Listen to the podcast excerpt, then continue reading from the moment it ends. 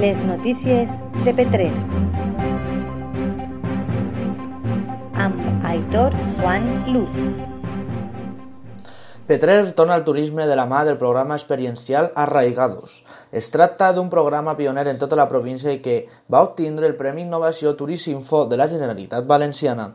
Des de que va començar la pandèmia, la regidoria de turisme de l'Ajuntament de Petrer ha realitzat nombroses modificacions i ha proposat activitats adaptades a la situació sanitària, com ara aquesta.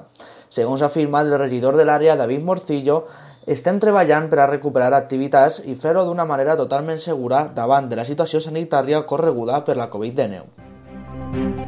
Les notícies de Petrer.